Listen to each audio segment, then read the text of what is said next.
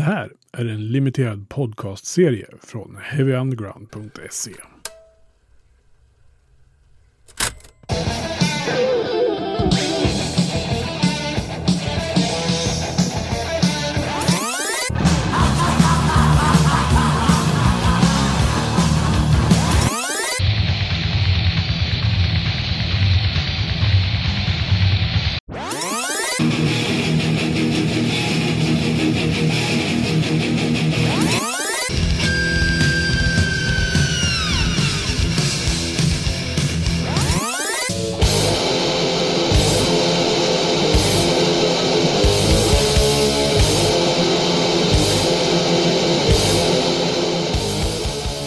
Mesro från Nyköping bildades 1985 och släppte tre demos och en fullängdare.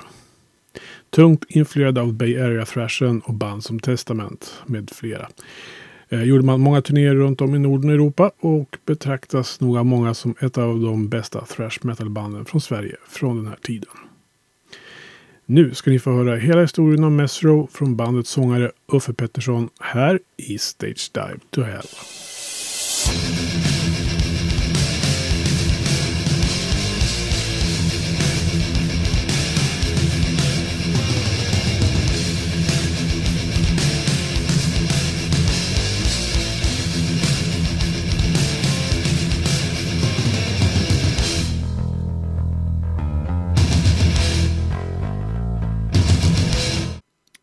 Uffe Pettersson, välkommen till Heavy Undergrounds podcast som handlar om svensk thrash metal.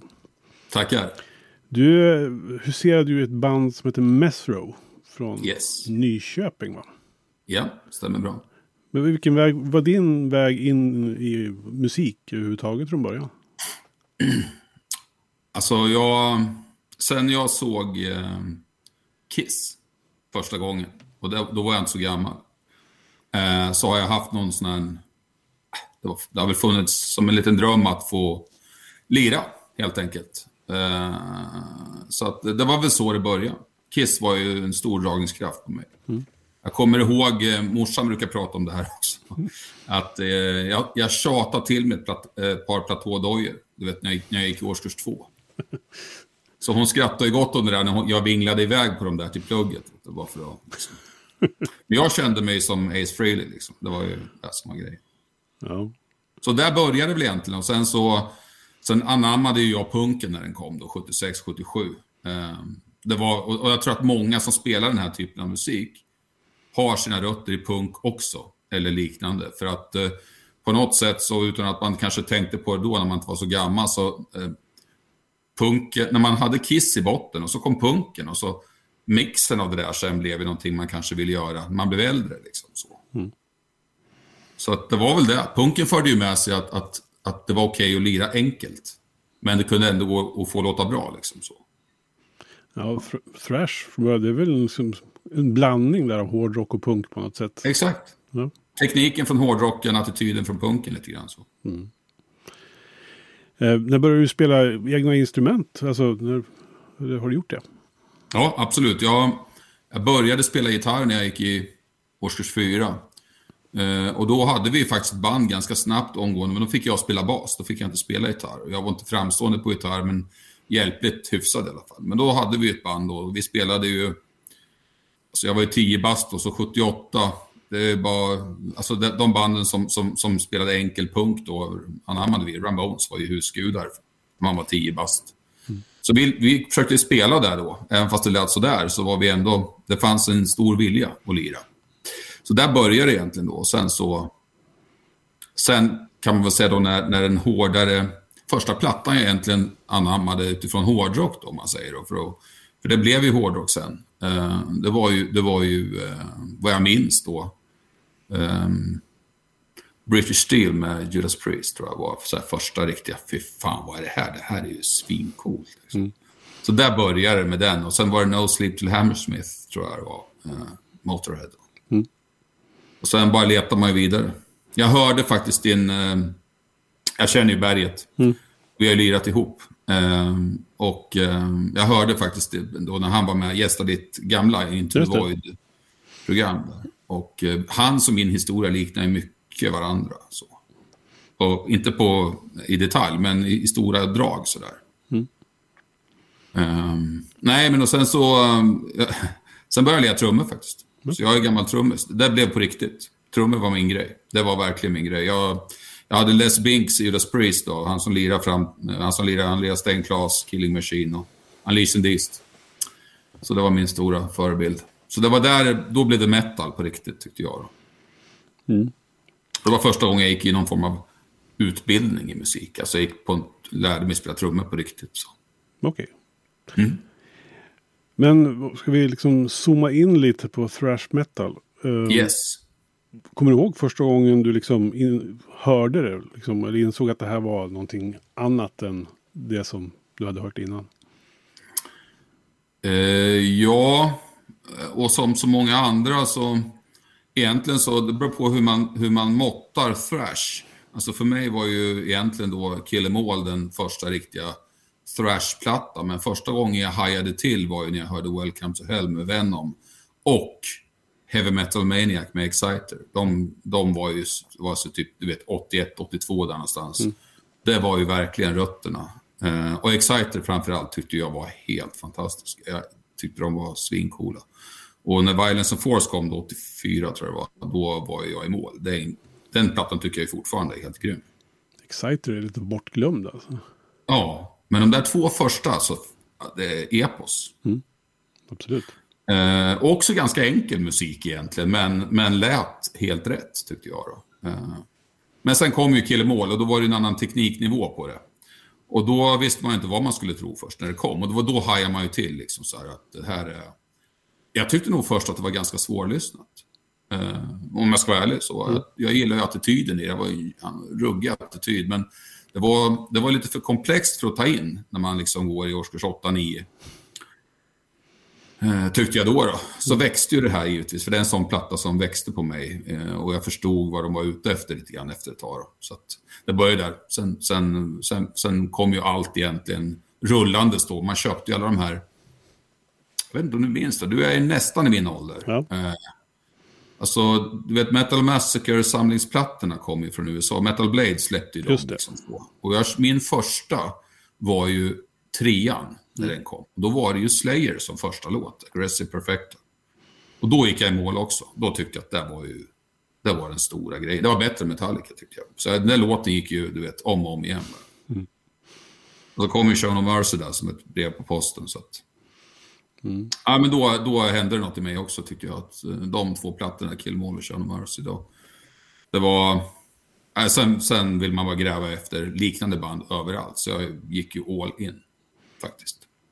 Är det mest amerikansk thrash eller har du även fastnat för europeisk? Ja, det, det, här låter ju lite, eh, jag ska inte säga muppigt, men, men alltså jag total diskvalificerar tysk thrash. Varför då? Jag tyckte, jag tyckte att de var för dåliga på något sätt. Jag, jag ställde, jag ställde ju liksom Destruction då. Jag köpte, kom ihåg, jag köpte första Destruction, den här mini-LP med Mad Butcher, original liksom, du vet så. Mm. Köpte den nere i Norrköping på Spiralen, kommer jag ihåg. Um, och uh, kommer hem och då tyckte de såg så jävla hårda ut på omslaget. Så med, det hängde patronbälten och det var nitbälten och på en kyrkogård givetvis. Men så motsvarade inte den där hårda looken där de lirade för att det var för dåligt lirat. Utan att jag kunde kanske sätta ord på det exakt vad det var som felade. Så eh, det var något som inte stämde. Lite otajt eller något sånt där. Du vet, som man, man skulle prata nu med dagens mått. Så var det för otajt. Det satt inte ihop helt enkelt. Det var väl det jag kände. Likadant när jag köpte In the Sign of Evil. För den hyllades ju i till och med brittisk eh, metalpress på den tiden. Och jag kommer ihåg att okej, okay, nu är det säkert bra. Och så var det nästan ännu sämre än Destruction. Och då, då gav jag upp. Liksom. Nej, det här håller inte. Det är dåliga kopior, eller vad man nu ska kalla det för. Mm. Såg rätt ut. Nej, så de såg inte så bra ut då på den tiden. Det, det var, men, men Destruction tyckte jag hade liksom rätt look, eller vad man ska säga. Så här. För det var viktigt på den tiden. Man vände och virade på omslaget mm. och man tittade och skulle kännas rätt. Och så här. Å andra sidan så kommer jag ihåg, nu blir det verkligen på detaljnivå. Men alltså, jag, jag, jag rotade efter det här överallt. Så kom jag, jag köpte ju Bloodfeast. Det finns ett amerikanskt eh, östkustband. som jag tyckte också, stenhårt omslag, såg rätt ut. Och det tyckte jag inte heller var bra i och för sig. Då. Så att, eh, det var någonstans, så började, vet, man började gallra. Och då hamnar man ju på västkusten. Det var ju västkustmetal som var bäst. Liksom. Mm. Eh, och då var det ju Bay Area-grejen som, som växte fram där. Så att jag, det, det, blev verkligen min grej till slut. Jag, jag dissekerade San Francisco rätt hårt. Vad var det i, från, i banden som kom från den, den, platsen? Liksom, vad var det med dem som var bra, tyckte du? Jag skulle säga så här, ehm, utifrån extremt välspelat. Alla band som kom, man visste att köpte man, köpte man om det så var en demo, Legacy till exempel, eller liknande då. Ehm, man köpte en demo liksom, så var, man visste att det var kvalitet. Jag behövde inte ens, det här, det här kommer att låta bra. Jag har någon eh, Jag fiskade upp den på Shades i London. Det är, det är ju motsvarigheten till Heavy Sound. I Stockholm var ju Shades i London. Dave Constable jobbade där för övrigt, då, som hade vårt skivbolag sen. Men hur som helst var jag där och köpte jag någon dubbel-LP som heter Eastern Front. Och jag fattade inte vad det där var för någonting egentligen. Det var massor med band som jag inte kände igen. Och så kände jag igen Legacy. De, det var Rain of Terror då, från den demon var ju med där. Och jag gick ju bananas, tyckte det var en magisk låt. Och spelade, då sjöng ju Setro. Sjöng ju på den demon. Alltså, men nu när jag tittar på, jag hittade den i garaget. Du vet, jag, jag letade bland mina gamla vinyler och fick upp den där. Så bara, det är hela Bay Area-scenen från den. Alltså Forbidden Evil är ju med med en låt. Mm. Alltså som blev Forbidden sen. Ja, ja. Bland annat. Alltså, alla de här, skithäftigt var det. Det var ju så här, what? Så här. Nej, så det var, ja, men, men för att knyta tillbaka till din fråga. Det som gjorde San Francisco-banden till någonting bra, dels hade de ju schysst attityd. Såg rätt ut, lät fantastiskt tekniskt skickliga. Och de, de tvingades nog till det för att det var som konkurrens. I just det där klustret av band som satt ihop där på den tiden. Mm. Så att, ja, men man, och man hade ju inte den liksom insikten i musik på den tiden så man kunde sätta riktigt ord på det. Men nu när jag är äldre så förstod, förstod jag ju liksom, eller jag förstår nu varför jag tyckte det var så jävla bra då. Mm. Så ska jag väl säga. Jag vet inte, har du sett eh, dokumentären Murder in the Front Row? Yes, jag har boken också, den ja, stora. Ja, precis. Jag, jag, hade ju nöjet att intervjua Brian Lou som tog många av bilderna. Ja. Eh, då när boken kom och sen filmen också. Och det, alltså de, alla berättar ju liksom om den här sammanhållningen som var i området. Liksom, och mm. man kunde gå och se ett band i veckan liksom, som spelade. Ja. Det verkar ha varit en exceptionell tid i hårdrockshistorien som utspelade ja, sig där. Och, och det fanns klubbar att spela på. Alltså, det var ju som du säger, de spelar ju, och så, då var ju då det här, det var ju Ruth is in, mm. och så var det ju uh, The Stone, fanns ju. Och så var det den här Keystone Berkeley, tror jag den eller key, någonting med Keystone. Mm. Uh, men det var några sådana klubbar som, som bara, som du sa, det bara roterade band hela tiden. Så de kunde, man kunde ju gå konstant på, på mm. ett gig liksom så. Och det där, det där önskar man att man hade fått uppleva. det var inte riktigt så hos oss. Eh, nej. Men, eh, nej, jag tänkte men precis, eh, fantastiskt. Jag tänkte precis koppla över till det. Samtidigt i Sverige. ja, precis. Ja. Hur skulle du säga att, ja, man, ett vitt, vitt begrepp, hårdrocksscenen, men också liksom, fanns mm. det någon gryende thrash-scen vid den här tiden? Ja, men det gjorde det. Och, och du vet, vi, alltså, ja, vi har ju varit med vi då, Mesro, de, vi grabbarna som, var, som lirade ihop på, på, på, i bandet då, vi började ju ihop. Vi var ju pionjärer allihopa i Nyköping. Och vi vallfärdade upp på varenda gig som fanns, eller gig, alltså konserter då, mm. i, i, Stockholm. Då, allt från Hovet till Göta Lejon och så. Vi såg, jag såg ju Metallica 84 på Göta Lejon. Mm. Och, och äh, då gick vi ju alltid på Heavy Sound dessutom. Äh, klassiska. Man vallfärdade dit också. Där kunde man ju hitta då allting som man ville ha. Och, och då, där upptäckte jag ju att de hade ju demotejper. Alltså innan vi själva började lira så hade, hade jag ju bland annat hade jag ju köpt eh, Mephisto till exempel var ju ett death metal-band från Stockholm som, som lirade på den tiden som, som oh, coolt omslag. Det var ju den här Baphomet, eh, ja, bilden då liksom. Så det här måste jag köpa. Så jag köpte demon så förstod jag, fan det är någonting som håller på att hända här. Så när vi själva kom så långt så att vi började spela in demotape. Jag köpte för även Ice, Ice Age köpte jag där också. Den här General Alert-demon. Mm. Men eh, då visste man ju precis vad man skulle göra. Man skulle trycka upp tejper. Ett hundratal kanske. Och sen så åkte vi upp till Heavy Sound, så gjorde vi en deal med dem, så stod ju våran tejp där. Och mycket riktigt så tog det ju slut ganska snabbt. Liksom. Eh, för det var någonting som höll på att hända. Och det här var ju då 88, ska jag säga. Mm. Eh, det var, det, det, egentligen började det mycket tidigare då, kanske 86, 87. Men för, för vår del så dumpade vi upp Frozen Soul-demon då. Eh, egenhändigt ihop trixat då med omslag. Vi kopierade då, så här, en, en, ja, enklast möjliga. Så, här. så väntar vi på gensvar helt enkelt. Så det, var, det var där det började för oss egentligen. Mm. Ska, ska vi liksom, ta Mesros eh, biografi? Liksom, så här. Vad, hur startade bandet och vart och hur då? Igen, jag ska försöka, det, det en, för att göra en lång historia kort så var det så att jag var ju som sagt trummis och jag spelade trummor i, att man kan säga, mitt band. Eh, som jag drev eh, mer eller mindre och, som heter Witchhammer. Och vi spelade, vi lät som någon blandning mellan, eh, jag vet inte, Overkill, eh, ganska enkel eh, metal. Det var ingen thrash egentligen. Jag ville att det skulle låta thrash, men vi fick inte till det med den sättningen vi hade i det bandet. Men jag var ju polare med med de andra killarna som, alltså Sebba och Steffe och, och Nicke Andersson då som, som spelade bas på den tiden. Då. Vi, vi hängde ju vid sidan av allihopa, ihop med en annan kille som heter Peter Rosén och hade ett, ett plojband som heter RIP. Och där mixade vi ihop SOD-riff med Bonded by Blood-riff. Och så sjöng jag och spelade trummor. Och då tänkte jag, det är så här det ska låta, även fast det var lite coveraktigt. Liksom så här. Och då frågade väl Sebba vid något tillfälle då, ja men fan ska du inte sjunga, kan inte vi bilda band? För de hade ju sitt band då. Eh, Necromancy från början hette de och så hette de i Dark Ripper sen.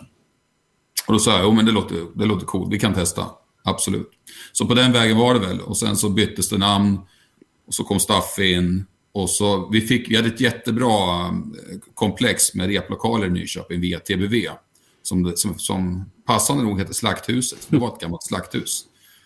Eh, med massor med lokaler och där fick vi replokal. Vi var en av, ett av de första banden som fick det. Så att, eh, där, där nötte vi på rätt hårt. Och som gammal idrottsmänniska så vet man ju då att det, ska man bli bra så krävs det ju att man tränar. Så att det är samma sak här. Vi repar ju fyra pass i veckan. Liksom, så, eh, flera timmar och hängde där. Liksom, så, gick helt upp i det där. Så lät det bara bättre och bättre och bättre.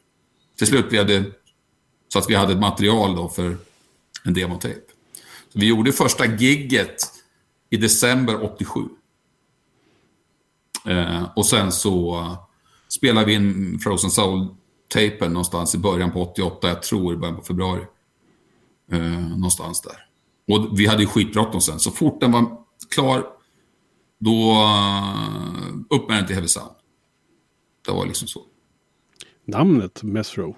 mm. Jag läste någonstans att det var någon gammal jazzmusiker inblandad här. Ja, men uh, alltså min, min mitt minne av det var att vi... Och Sebba som presenterade namnet i och för sig, det minns jag ju. Men jag, har ju, jag minns inte att han var inblandad på den här jazz... Det fick jag mm. klart för mig långt, långt efter. Okay. Jag har för mig att vi bara satt ihop med Row. Istället, vi tyckte Death Row var ett coolt namn. Tyska metalbandet, thrashbandet då. Uh, så där var vi och nosade. Sen har jag för mig bara att vi tog med S och Row. Och så bytte S mot Z för att det skulle se lite coolare ut. Men eh, det är möjligt att, att det fanns en annan bakgrund, men jag kände inte till det. Nej, det var bara någonting jag snappade upp i researchen jag gjorde. Ja, men det kan nog stämma så också. Jag är lite oklart alltså. Det måste jag ändå säga. Jag, men mitt, mitt, mitt, minne säger att det var, det var mitt minne då, som mm. Satt ihop Mess och Row. Det var lite, dessutom stack det ut. Det var liksom det var inte det här vanliga att man snodde något, eh, något coolt, någon cool låttitel som namn, du vet, från en gammal thrashplatta från något klassiskt band. Vi hade ju kunnat heta Chemical Warfare och tyckte att det var bra. Liksom. Men det här var ändå lite originellt tyckte vi nog, liksom, så det stack ut. Mm. Men... Att, eh, ja, där, där började det och sen hade vi då liksom pinpointa... Eh, jag hade ju kartlagt ett antal eh, kända underground-tidningar i eh, Europa, USA och i Norden framför allt. Då. Och den, en, av de, en av de bästa tidningarna på den tiden, jag tror den, den, den eh, jag skulle säga att den, det, det är den bästa underground-blaskan från den tiden. Den hette Blackthorn, den kom från Danmark. Okay.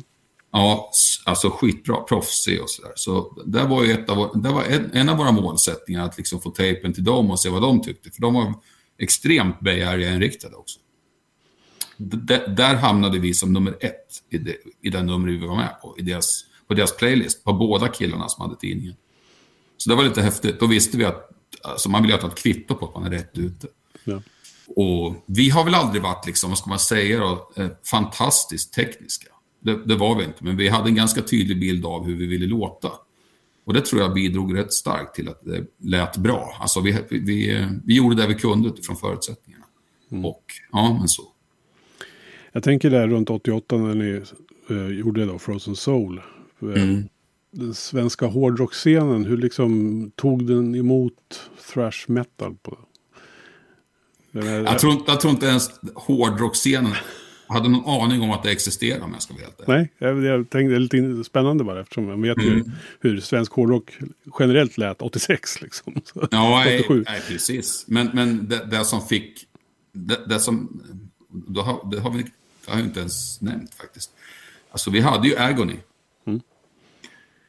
Och eh, jag kommer ihåg när jag hörde Deadly Legacy på Rockbox och tänkte att vad i helvete, det här låter ju bra.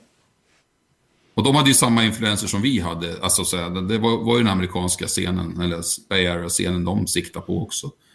Så att eh, vi var faktiskt och såg dem Robban Besirovic eh, som, som senare, sedermera blev chef. Ja, du vet vem det är, Robban. Han, han eh, fixade gig nere i Norrköping med, med Agony. Mm. Eh, på någon obskyr eh, gammal båt som, som, som de inte använde som båt, men som låg som en båt, eh, Nya Strömsholmen. Mm. Jag upplevde att det var som en båt i alla fall. Jag var inte helt nykter, jag var där kan jag säga. Men det, var, det finns faktiskt, om man googlar, eller om man letar efter den här, finns det filmer från det här gigget på YouTube. Alltså det var kaos. det var jävligt bra, tyckte man ju då. Ja. Liksom. Det var ju första gången ett riktigt thrashband lirade alltså i Sverige på det sättet. Alltså ett svenskt band. Och mm. liksom så. så för oss var det... Så de, de banade iväg, skulle jag vilja säga, för oss andra.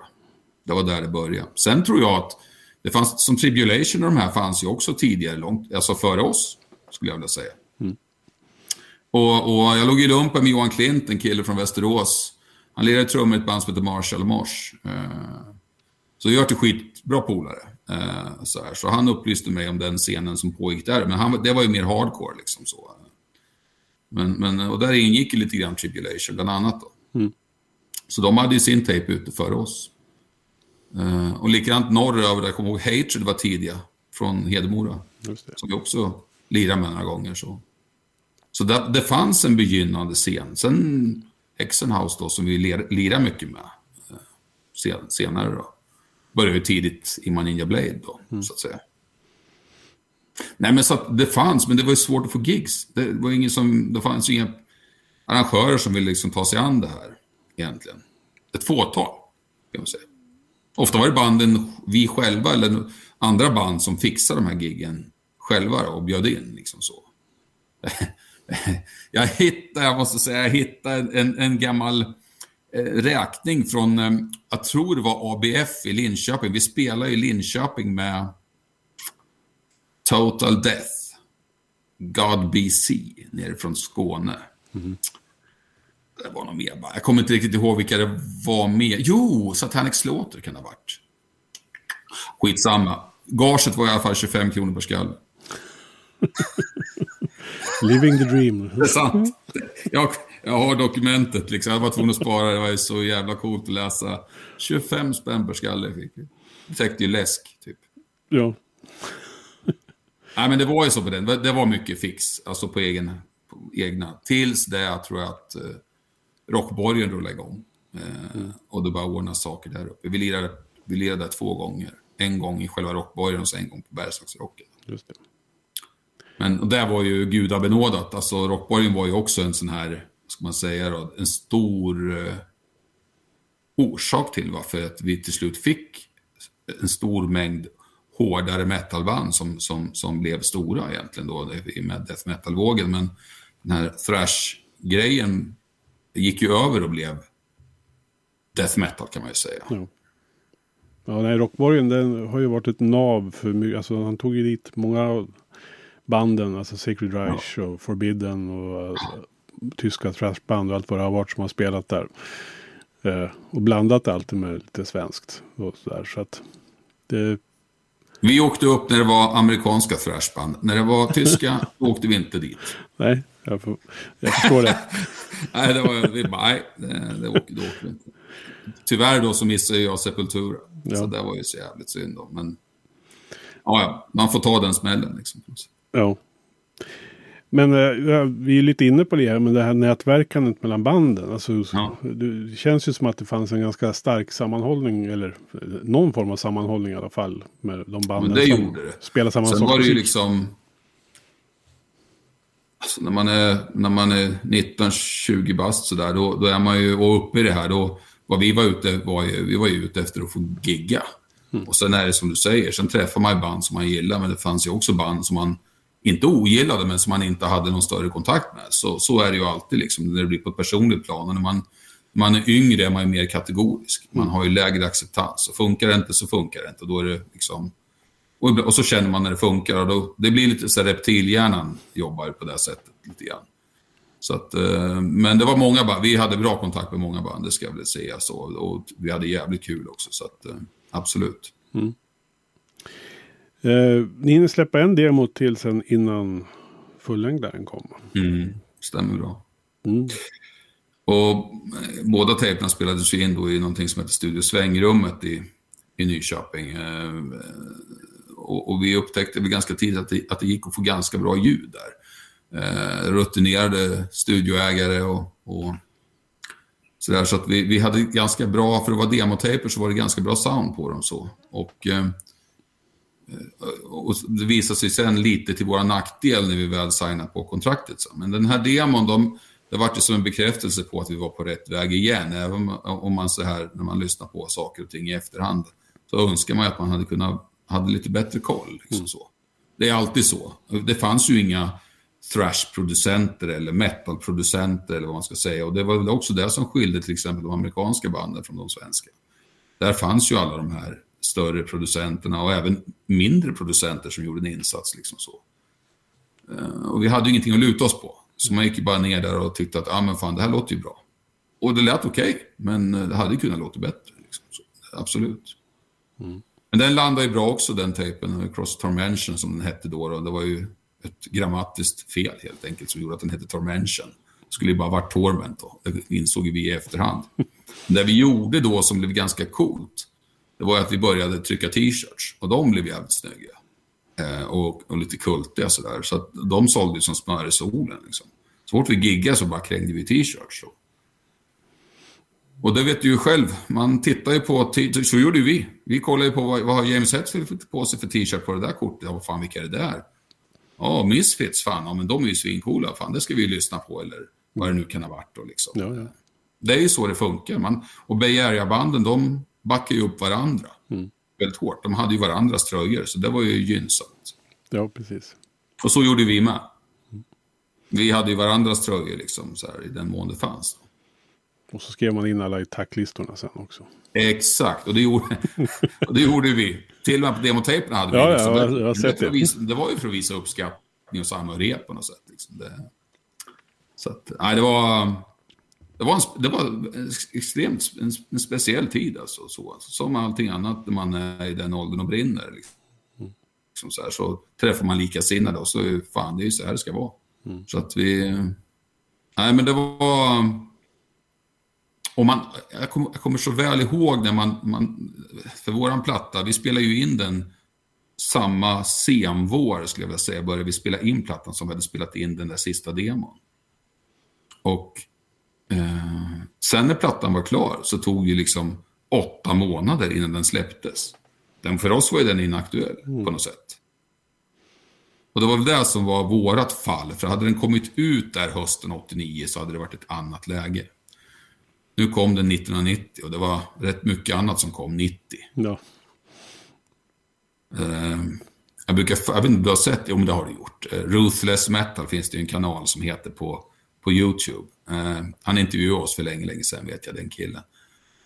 Men hur som helst då, där, där, kunde man ju se vad som släppte. Han har gjort så här, var bästa thrasher 1990 och så mm.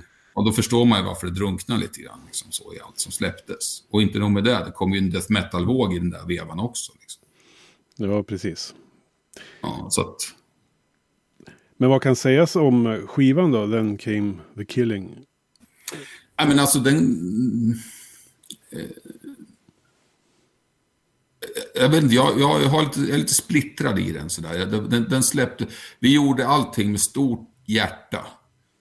Och eh, den här den plattan representerar ju oss från den tiden.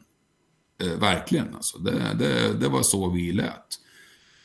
Eh, sen återigen så föll vi på att vi inte riktigt visste hur vi, man spelade in en platta. Liksom. En demotejp är ju en sak. Det är ju en demo. Mm. Men det måste, det måste bli ske en kvalitetshöjning när man spelar in en platta. Och vi spelade ju in plattan i svängrummet där vi hade spelat in demotejperna. På samma sätt som vi spelade in demotejperna. Så det är ju som en demoinspelning. Det är bara att det är fler låtar. Eh, eh, så det var ju mixen egentligen då uppe i Stockholm Recording då, som var en stor studio som vi åkte upp och mixade den i. Det var ju det som var den stora skillnaden. Men de killarna som var med oss där, skitbra. Det var ju Mats Limfors och så var det ju Marre och Marcel Jakob var med i, i, i studion då. Men de var ju inga thrashers liksom. Så, här. så vi hade ju med oss massa plattor som vi, ja, så här, ska, så här vill vi att det ska låta. Och så här, så här, så att, eh, men eh, det blev väl inte riktigt som vi hade tänkt. Så vi fick ju en förhandskassett på plattan. Och den tyckte vi lät svinbra. Vi, vi åkte runt i, i bil och spelade i bilstereo. Och det lät helt magiskt tyckte vi så här. Och det tyckte ju alla som hörde den också. Sen kom testpressen. Från England då. Eh, någonstans i september. 11 september till och med, tror jag det var. Om vi ska vara helt ärliga. Um, ja, men det var någonstans i början på september. Jag ska inte säga hundra att det var då. Men, men hur som helst då så, så bara, det här låter ju inte bra. Så jag, eh, vi ringde ju upp eh, han som mixar plattan, Mats Lindfors. Han bara, ja, men, så bara, ja men kom upp för att lyssna på den. Så vi tog med oss testpressen och åkte upp till honom. Och så lyssnade han på den. Ja, men det här, så här ska det inte låta. Det här är inte, så här mastrar inte jag liksom. Så här, det här ska och så här. Så då åkte vi till Polar Studios som var ganska stort på den tiden. Jag minns att Magnus Uggla stod och spelade flipper där när vi kom in. Eh, det var ju lite intressant. Men hur som helst så, så, gjorde de en analys på plattan där och så ommasterade de om den. Mm.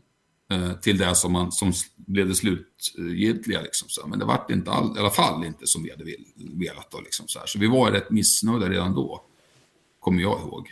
Mm. Så att, så att, men, men vi vande oss väl och accepterade att, att okej, okay, nu blev det så här. Nästa platta, då jävlar liksom. För vi hade ju bara gjort material då. Eftersom den, den plattan var ju rätt gammal, det materialet. Mm. Men vi, den fick ju ganska stor, alltså stor uppmärksamhet. Jag vet att Okej, okay, vi var ju med i Okej okay vid ett par tillfällen. Och det var någon kille som hette, hette Micke Lindborg. Han journalisten, han, vi, han gav oss fyra av fem i betyg i Okej. Okay liksom Och så gjorde han en artikel om oss. Det var då vi lirade förband till Candlemass på, på arenan då. Mm. Eller Fryshuset, ska jag säga. Och då hade, gjorde, gjorde en intervju med honom. Så, här. så vi fick ju bra i Sverige fick vi, det byggdes ju på liksom så. Även fast vi själva inte var jättenöjda så genomslaget var ganska bra. Uh, så att, så att uh, och vi, vi giggade ju på. Uh, vi, vi, hade ju våra ja, två gig i månaden, ibland var det någon, något gig i månaden. Men sen efter plattan släpptes så var det ju lite mer och då lirade vi bland annat på Bergslagsrocken då som är Candlemass och så lirade vi på en festival i Sandviken då, Backbite Balk. Och det var ju alla, det var ju hela hård metal-eliten lirar ju där. Bland annat en Tum var ju med. Mm. Och eh, Hexenhouse och vi och Atrocity som sen blev Rosicrucian som jag var med i då, då under, en, under en tid. Så det var ju liksom någon slags peak där. Där någonstans eh, rullade det på bra.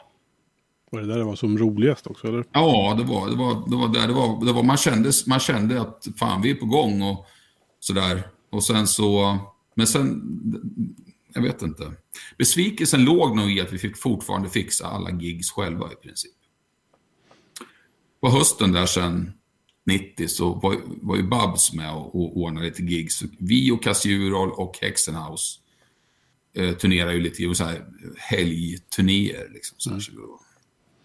Och då, det var ju skitkul. Och, och, då tyckte man ju också att man var lite på turné. Liksom, så här. Men vi spelar ju då, det är ju längs E4 norrut i princip. Så vi var väl i Skellefteå som, som högst upp.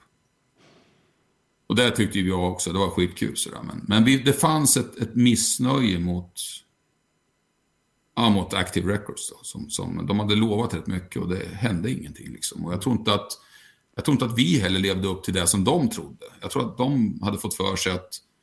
Eh, jag vet att, att det snackades om då när vi skulle mixa plattan, att de ville att det skulle låta som Ride the Lightning, att vi skulle bli någon slags Metallica light, du vet så här. Mm. Men vi var ju inte intresserade av det. Vi ville ju låta som Violence, liksom. Det var ju vårat mål. Eh, och det är inte riktigt gångbart, eh, eller vad man ska säga, eh, på samma sätt som, som Metallica. Utan, utan det är ju mer underground-inriktad Violence då. Eller Forbidden då, eller vad man ska säga och så. Så att jag vet inte. Det sket sig där på hösten. Sen. Ni har spelat in en demo till. Har jag missförstått det där? Eller? Nej då. Vi lirar in, vi lirar egentligen in två demotaper. Vi lirar in Eh, höst, sen höst. Jag måste tänka så att det inte blir fel här nu. Vi lirade in en låt i en studio. Det var mitten på hösten 90. En låt som heter Silent Extinction. Riktigt bra låt faktiskt. så. Studion var väl sådär egentligen då, men, men låten i sig är bra. Eh, eh, och sen så, när det sen kraschade med Active. eh, så spelade, då spelade vi ju in en låt, eller en demo 91 i samma studio. Som också lät skit, men låtarna var också rätt bra. Liksom så. Så att... Um, nej, men det, jag vet inte. Vi, vi brann väl fortfarande, men det hände någonting. När man tappar ett skivkontrakt, jag tappade lite sådär vi ville kämpa på och försöka få tag på ett nytt kontrakt givetvis. Mm. Men då hade den här death metal-vågen rullat in. Liksom, så, här, så våran genre, den var ju lite... Så här, det var klassiska kommentarer. Så, ah, ni låter lite som Testament, jävligt bra, men tyvärr finns det ingen marknad just nu. Lite mm. så. Vi var jättenära att signa med Noise, till exempel, som var ett stort tyskt bolag på den mm. tiden. Liksom. De tyckte att det lät jävligt bra, men sen kom de till slut fram till att nej, men vi kan nog inte sälja det här fullt ut. Liksom så. Uh, ja, då sket det sig. Och sen, men vi, vi försökte verkligen, men det, ja, det var tufft. Ja, alltså jag, tycker, jag har alltid tyckt att den svenska thrashvågen, den kom ju som sagt av sig lite. Där mm, death metalen kom ju lite för fort på där. För att det skulle hinna ta riktig fart. Ja, och man ville ju tro på sin grej. Och det var vad, vi gjorde. Liksom. Så vi, vi spelade ju verkligen den musiken som vi själva gillade. Mm. Och det kanske också var lite av ett problem för vår del. Vi var kanske för lite för stora fans av den här thrash metal-vågen som kom i mitten på 80. Mm. För när vi kom fram då, då hade ju den vågen börjat ebbat ut. Alltså, eh, man tittar på plattorna som släpptes då, Practice What You Preach 89, Testament hade ju saktat ner då. Mm. Ja. Eh, sen, sen, sen 90, ja, jag vet inte. De släppte ju Souls of Black där. Den är också ganska... Den är inte vidare snabb. Liksom så. Och, och, Exodus släppte... Eh, ja, 92 var ju Force of Habit och den är ju inte ens, den är inte ens bra. Alltså, och innan dess så kom den här Impact is Imminent då. När Tom Hunting hade hoppat av som trummis. Vilket bara, nej, men då är det ju över. Liksom, mm. på något sätt. Och den är ju inte heller särskilt bra. Och alla de där låg ju på majorbolag dessutom. Alla, hade ju, alla majorbolagen hade ju snappat upp de här banden. Och Metallica släppte ju svarta plattan. Ja. Och det där förstörde lite, för det blev ju liksom, den här, den thrashen man hade sett upp till, den blev ju mer kommersialiserad, eller vad man ska kalla det för. Och alternativet var ju att stämma ner i, i liksom, ja, jävligt lågt i C.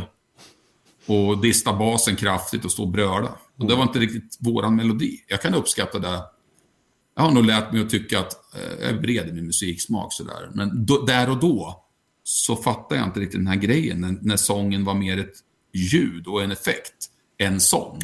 Mm. Och jag var ju ändå en sån som skrek sång. Alltså så. Mm. Tyckte jag att, men jag är skolad i Hetfield och Chuck Billy och, och, och de här klassiskt Tom Araya. Mm. Man hör vad man säger, även fast man skriker så kan man höra vad man säger. Mm. Så jag hade lite svårt för att anamma det där. Eh, vi, lys vi lyssnade extremt mycket på ett band, och det här var väl 91. Ett band som heter Syndrome, eh, som kom från, från Chicago egentligen. Då, då. Men de släppte ju en demo. De, de, de började som ett death metal-band, men gick över och spelade mera thrash sen. Eh, och de, de hade en demo som hette Vault of Inner Conscience. Där var liksom en...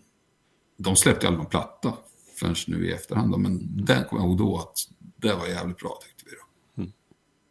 Så det fanns ju massor. Vi hade rätt bra koll på Bay Area-scenen. Det kom fram band som Horde of Torment och Epidemic och, och sådana här band. Som, som, men det var inte det här Exodus Testament-soundet. Det var något annat som hade hänt. Även fast det var hård thrash så var det inte alls lika bra. Nej. Nej, det dog. Ja, det dog. Det dog efter det. Men om du skulle bara...